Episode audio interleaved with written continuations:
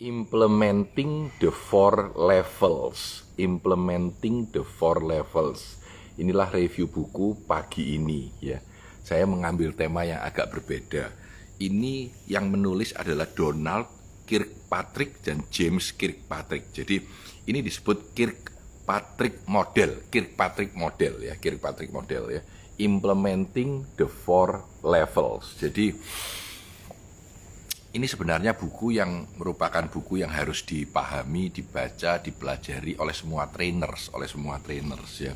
Uh, saya bacanya ini juga lompat-lompat, ngelihat, mencoret-coret sedikit gitu. Jadi apa sih isinya? Isinya itu gini, kalau Anda mentraining orang, coba bayangkan ya, Anda sedang mentraining gitu ya. Katakanlah saya mentraining orang sales yang paling gampang ya, saya mentraining orang sales. Uh, pertanyaannya adalah, apakah training saya berhasil? Ini yang menarik. Apakah training saya berhasil? Nah, uh, teman-teman di bagian learning and development selalu ingin mengukur ya apa sih hasilnya bahwa training kita ini mempunyai makna dan bermanfaat buat karyawan dan perusahaan. Nah, Kirkpatrick membuat sebuah model yang sangat sederhana, tapi yang sangat uh, cerdas dan cukup diakui oleh hampir semua pihak. Jadi dia bilang ada empat level kalau mau mengukur sebuah training itu bagus atau tidak, berguna atau tidak.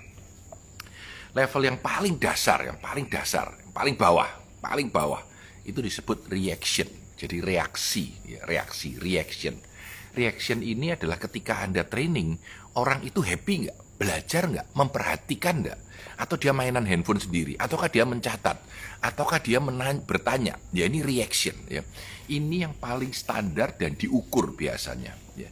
Kita ukur apakah training ini uh, bereaksi terhadap pesertanya. Nah ini kalau Anda selesai training lalu ada review ya, review. Uh, apakah Anda merasa training ini bermanfaat? Apakah Anda uh, ikut dengan peserta penyajinya, apakah Anda menyukai presentasinya, apakah ya ini semua reaksi. Jadi reaksi peserta terhadap materi yang diberikan itu level one disebut reaction. Ini yang paling umum diukur di dalam review buku atau review sorry review training, review training ya. Ini yang pertama reaction. Nah, yang kedua adalah learning. Nah, learning, learning ini artinya orangnya belajar nggak selama training satu hari atau dua hari ini ya belajar nggak? Dia dapat masukan nggak? Dapat ilmu nggak di benaknya? Ataukah hanya sekedar semangat tapi nggak punya nggak dapat ilmu apa-apa? Banyak sekali training yang begitu. Nah ini untuk mengukurnya. Biasanya digunakan pretest dan post test jadi pretest dites dulu lalu post test dites lagi. Apakah selama masa pembelajaran dia mempunyai pengetahuan baru, mendapatkan knowledge baru, mendapatkan insight baru. Nah ini adalah biasanya dengan tes, ya pre-test dan post-test pre-test dan post-test. Jadi kalau yang pertama tadi reaction, reaksi dari seseorang terhadap sebuah training. Yang kedua ada learning enggak? Learning ini dapat, makanya ada ujian, ada segala macam. Ini ini membuat Anda paham bahwa Anda sudah betul-betul mengerti materi dan paham itu. Ya, itu yang nomor dua. Level ketiga, behavior, perilaku. Jadi kalau yang pertama diajari sales, wah diajari cara penjualan, ya, dan reaksinya wah happy. Yang kedua dites kamu mengerti tidak cara menghadapi orang yang sulit? Bagaimana mengclosing orang? Bagaimana handling objection? Ini misalkan ya. Lalu yang ketiga, ya. Behavior perilakunya gimana? Nah biasanya untuk melihat perilaku ini dibutuhkan orang lain yang mengamati baik 360 dari sekeliling dan dari atasan dan bawahan atau dari atasan saja kalau mau simple jadi atasannya akan mengecek. Lalu tanyain sekarang atasannya setelah training berjalan satu bulan ditanyain setelah training satu bulan orang-orang ini perilakunya beda nggak? Sekarang lebih rajin nggak untuk menelpon pelanggan kalau mau jualan sesuatu? Sekarang dia lebih mampu nggak meng, men, menghadapi komplain orang yang mengatakan bahwa harga barang Anda terlalu mahal. Dia bisa ngomong dengan enak enggak? Bisa memberikan alasan enggak? Itu behavior, perilaku, itu perilaku.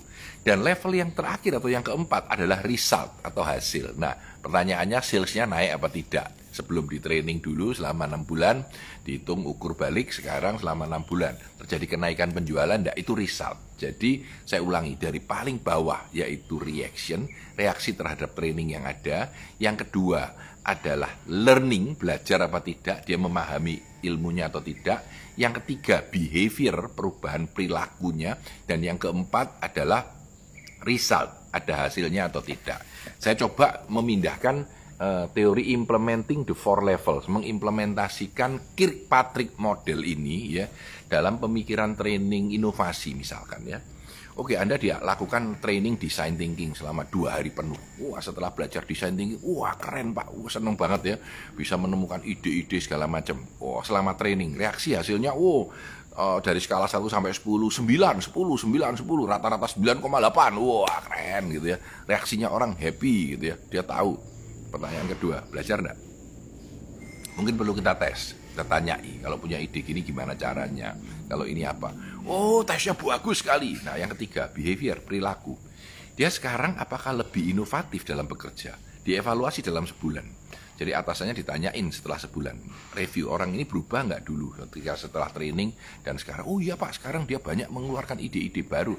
Oh dia sekarang sedang melakukan ini. Nah pertanyaan yang terakhir yang keempat adalah apakah ide-idenya bermanfaat apakah ide-idenya terimplementasikan di dalam perusahaannya. Nah, itu result, itu yang keempat, ya.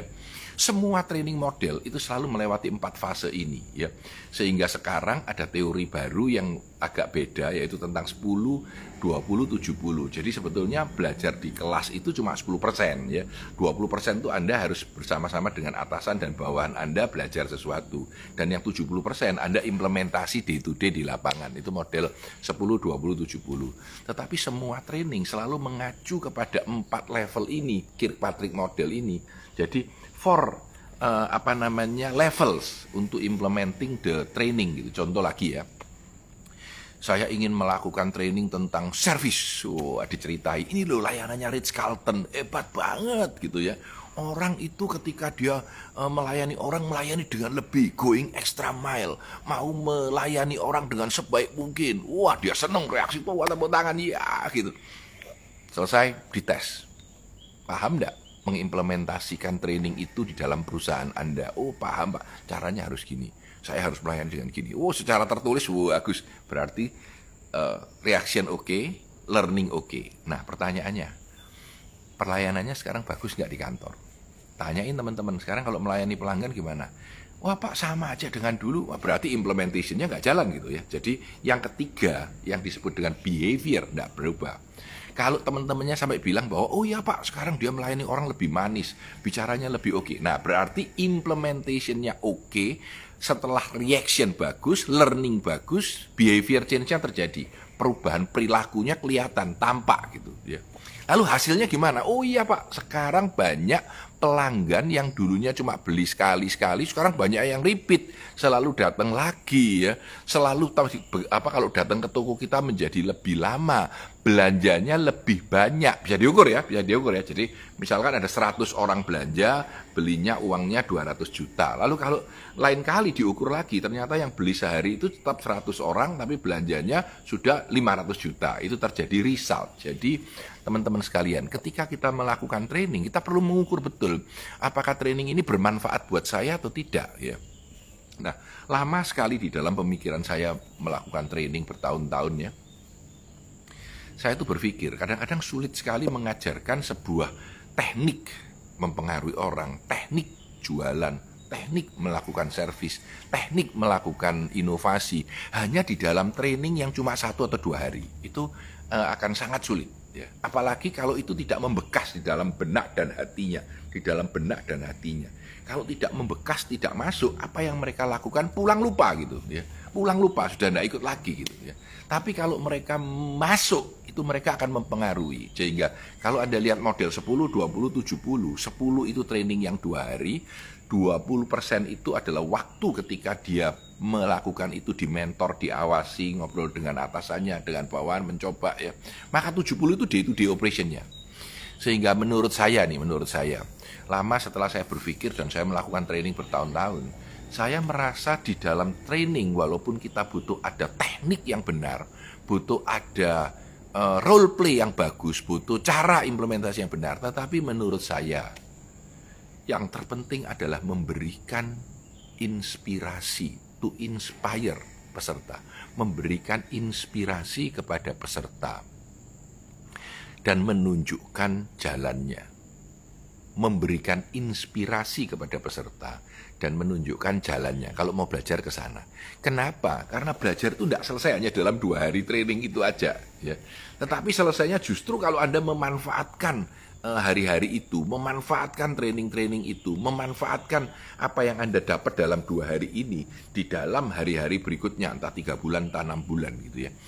Jadi kita sebagai seorang trainer menurut saya pribadi selain memberikan teknik-tekniknya, ini loh caranya gini, caranya gini, ini caranya gini, tetap perlu memberikan inspirasi, ya, memberikan pengaruh kepada pikiran dari peserta kita supaya mereka mau belajar sendiri, mau untuk me menggali sendiri, mau untuk uh, mencari sendiri ilmu-ilmu tambahan yang ada karena dalam dua hari training saja tidak mungkin kita menjejalkan ilmu itu ke dalam dia gitu. Tetapi harus membuat mereka mau belajar sendiri, mencari sendiri, mengembangkan diri sendiri menjadi orang yang lebih baik gitu. Ini ini pendapat saya. Nah, dalam saya melakukan training yang banyak ini ya, banyak sekali pertanyaan yang paling sering adalah, Pak, kalau saya ikut training Bapak, saya semangat Pak, saya belajar.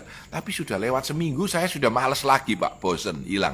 Nah itu problemnya. Karena inspiringnya hanya berlaku dari luar dan hanya sejenak, tidak cukup dalam. Ya. Ketika dia bilang, oh iya Pak, aku gini, wah semangat semangat. Setelah lewat seminggu ya lupa. Ya. Kita menjadi terbiasa dengan keadaan dan lupa. Sehingga kadang-kadang sering perlu diingatkan ulang, diingatkan ulang, diingatkan ulang. Ya. Eh, kira-kira seperti itu kacamata dan pandangan saya tentang training. Tetapi training itu paling dibutuhkan di dalam perusahaan. Anda bisa bayangkan kalau kita um, bisa bayangkan dokter itu tidak pernah di training gitu, tidak pernah dilatih untuk mengoperasi orang. Suster nggak pernah di training, nggak bisa kan? Jadi kita tahu dalam critical issue kita selalu melakukan training, tetapi di dalam bisnis sering sekali kita merasa tidak perlu melakukan training. Nah ini yang problem. Karena itu uh, sering sekali orang-orang harus diingatkan bahwa training itu merupakan bagian integral yang tidak bisa terlepaskan daripada pengajaran atau pembelajaran dari sebuah organisasi. Jadi butuh orang lain yang mengajarkan. Karena kalau tidak, Anda nggak bisa dong gitu. Begitu dong, oh ya aku bisa berkembang dengan lebih bagus lagi. Tidak bisa membuat otak kita terbuka untuk melakukan sesuatu yang sebelumnya tidak kita pahami. Ya, saya ulangi lagi. Implementing the four level Kirkpatrick model. Jadi di dalam training ada empat level, yaitu yang pertama adalah reaction, reaksi kita terhadap training itu yang sering dilakukan pada review akhir sesi. Yang kedua adalah learning yang biasanya dilakukan dengan pretest dan post-test atau tes lainnya, yaitu mengukur Anda sudah belajar atau tidak dari selama sesi itu. Dan yang ketiga adalah behavior, apakah terjadi perubahan perilaku di dalam pekerjaan dan cara Anda melayani orang dan cara Anda jualan dan cara Anda mencari inovasi. Dan yang ketiga ini biasanya diukur dari kacamata orang lain, biasanya atasannya untuk melihat orang ini berubah atau tidak. Dan yang keempat adalah result yang biasanya dengan mudah dapat diukur dari nilai penjualan, jumlahnya inovasi yang ada, layanan yang dihasilkan itu apakah membuat perusahaan lebih sukses, lebih banyak orang yang datang, lebih banyak repeat customer, dan seterusnya. Nah inilah empat model pengukuran apakah training yang kita lakukan mempunyai dampak atau tidak di dalam perusahaan. Saya Tanadi Santoso, darah saya juga T, yaitu trainers. Semoga acara review buku pagi ini bermanfaat untuk teman-teman. Salam sukses selalu.